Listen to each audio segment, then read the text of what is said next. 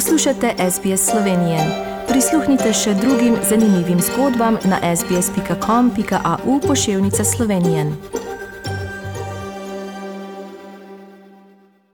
Lepo pozdravljeni, spoštovani rojaki in rojaknje. Teden, ki je za nami, je bil v Sloveniji povsem jesensko obarvan, pisan, ampak precej miren. Otroci imajo namreč prve jesenske, tako imenovane krompirjeve počitnice. Veliko družin je tako na dopustih, mnoge še koristijo turistične bone, ki smo jih ob koronaepidemiji prejeli v zadnjih dveh letih. Pestro pa je bilo na političnem in gospodarskem parketu. Pa gremo k podrobnostim. Situacija zaradi epidemije s COVID-19 se v Sloveniji nič kaj ne izboljšuje, pravzaprav se je zadnje dni drastično poslabšala. Na zadnje so pristojni ob 7315 opravljenih PCR testih potrdili 2631 novih okužb z novim koronavirusom. Pozitivnih testov je bilo tako kar 36 odstotkov. Zaradi okužbe je trenutno hospitaliziranih 547 oseb, na intenzivni negi se jih zdravi 131. Po podatkih Nacionalnega inštituta za javno zdravje je trenutno v Sloveniji skoraj 24 tisoč aktivnih primerov okužbe. Umrlo je 10 COVID-nih bolnikov. Po podatkih Nacionalnega inštituta za javno zdravje je bilo z enim odmerkom cepljenih 56 odstotkov vseh prebivalcev, z vsemi odmerki pa jih je bilo cepljenih 53 odstotkov. Ministr za zdravje Janez Poklukar bo, če bo na intenzivnih oddelkih zasedenih od 160 do 180 postelj, predlagal vsaj delno zaprtje družbe. Vodja svetovalne skupine za cepljenje Bojana Beovič pa sporoča, da še obstaja možnost, da se zaprtju izognemo. Minister bo delno zaprtje države predlagal v trenutku, ko bo zasedenih od 160 do 180 intenzivnih postelj, v sredo denimo jih je bilo 133. Sledilo bo zapiranje lokalov ob 22. uri, v šolah pa, da bi ostale odprte, bo obvezno testiranje na mesto prostovoljnega. Po drugi strani se v Sloveniji kljub težkim razmeram še vedno odvijajo protesti zoper ukrepe in aktualno vlado. Protestni shodi so tokrat potekali v več slovenskih mestih. Protestniki, množice niso bile zelo velike, so pa prišli opremljeni s transparenti.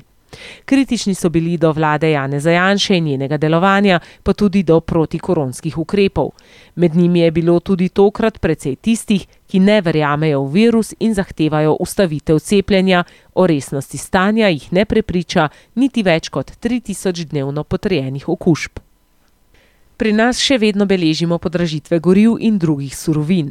Avtoprevozniki pri obrtni zbornici Slovenije so opozorili, da se spoprijemajo z naraščajočimi cenami pogonskih goriv, moteno oskrbo dodatka za čistejši izpuh in pomankanjem voznikov, kar lahko vodi v moteno oskrbo. Državo pozivajo k ukrepanju, da zajezi cene pogonskih goriv za čas krize in da podpiše sporazum o zaposlovanju delovne sile iz tretjih držav. Plin se je v zadnjih treh mesecih podražil za 67 odstotkov, nafta v zadnjem obdobju pa za 40. Da pokrijajo te stroške, bi morali prevozniki cene dvigniti vsaj za 10 odstotkov. Poleg tega se spopadajo tudi z enoletnimi zamudami pri dobavi vozil in prikolic, ki so se sicer podražile za 15 do 22 odstotkov.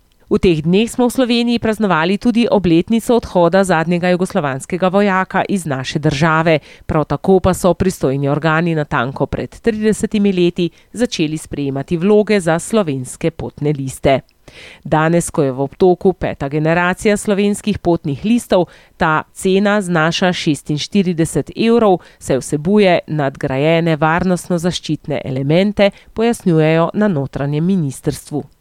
Medtem ko kulturniki nasprotujejo finančnim rezom za programe nevladnih organizacij, ki bi z rebalansom proračuna za prihodnje leto ostali brez 3,5 milijona evrov, pa je naš pianist Aleksandr Gadžijev na svetovnem Chopinovem tekmovanju v Varšavi osvojil drugo mesto, ki se ga je delil z Japoncem Sorito.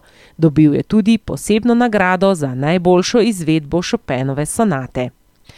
V avstrijskem Zeldnu pa je Žan Kranjec ob začetku zimske smučarske sezone znova dokazal, da je med veleslalomsko elito eden najbolj konstantnih smučarjev, sposoben rednega doseganja vrhunskih rezultatov. Da bo Žan Kranjec v tej sezoni eden največjih favoritov za veleslalomski globus, se zaveda tudi zmagovalec prve tekme Marko Odermat, na kateri je bil Žan Kranjec tretji. Jutri bodo na oknih domov marsikje strašili bučni strahovi, izrezljane buče s prižganimi svečami, ponekod se lotevajo tudi praznovanja noči čarovnic s posebnimi zabavami. Hkrati pa bomo, povsem zares, praznovali dan reformacije, državni praznik, ki ga praznujemo v spomin in opomin o pomenu slovenskega jezika, za katerega v preteklosti ni bilo vedno samoumevno, da ga javno govorimo, beremo in pišemo. Prvo zapisano slovensko besedo smo dobili leta 1550, ko je Primož Trubar, slovenski protestantski duhovnik, napisal katekizem in abecednik. Radi imejmo to našo slovensko besedo. V poseben ponos pa nam je tudi, da jo ohranjate vi tam daleč preko meja naše domovine. Želite slišati sorodne zgodbe? Prisluhnite jim preko Apple ali Google podcasta, preko aplikacije Spotify ali kjerkoli drugje.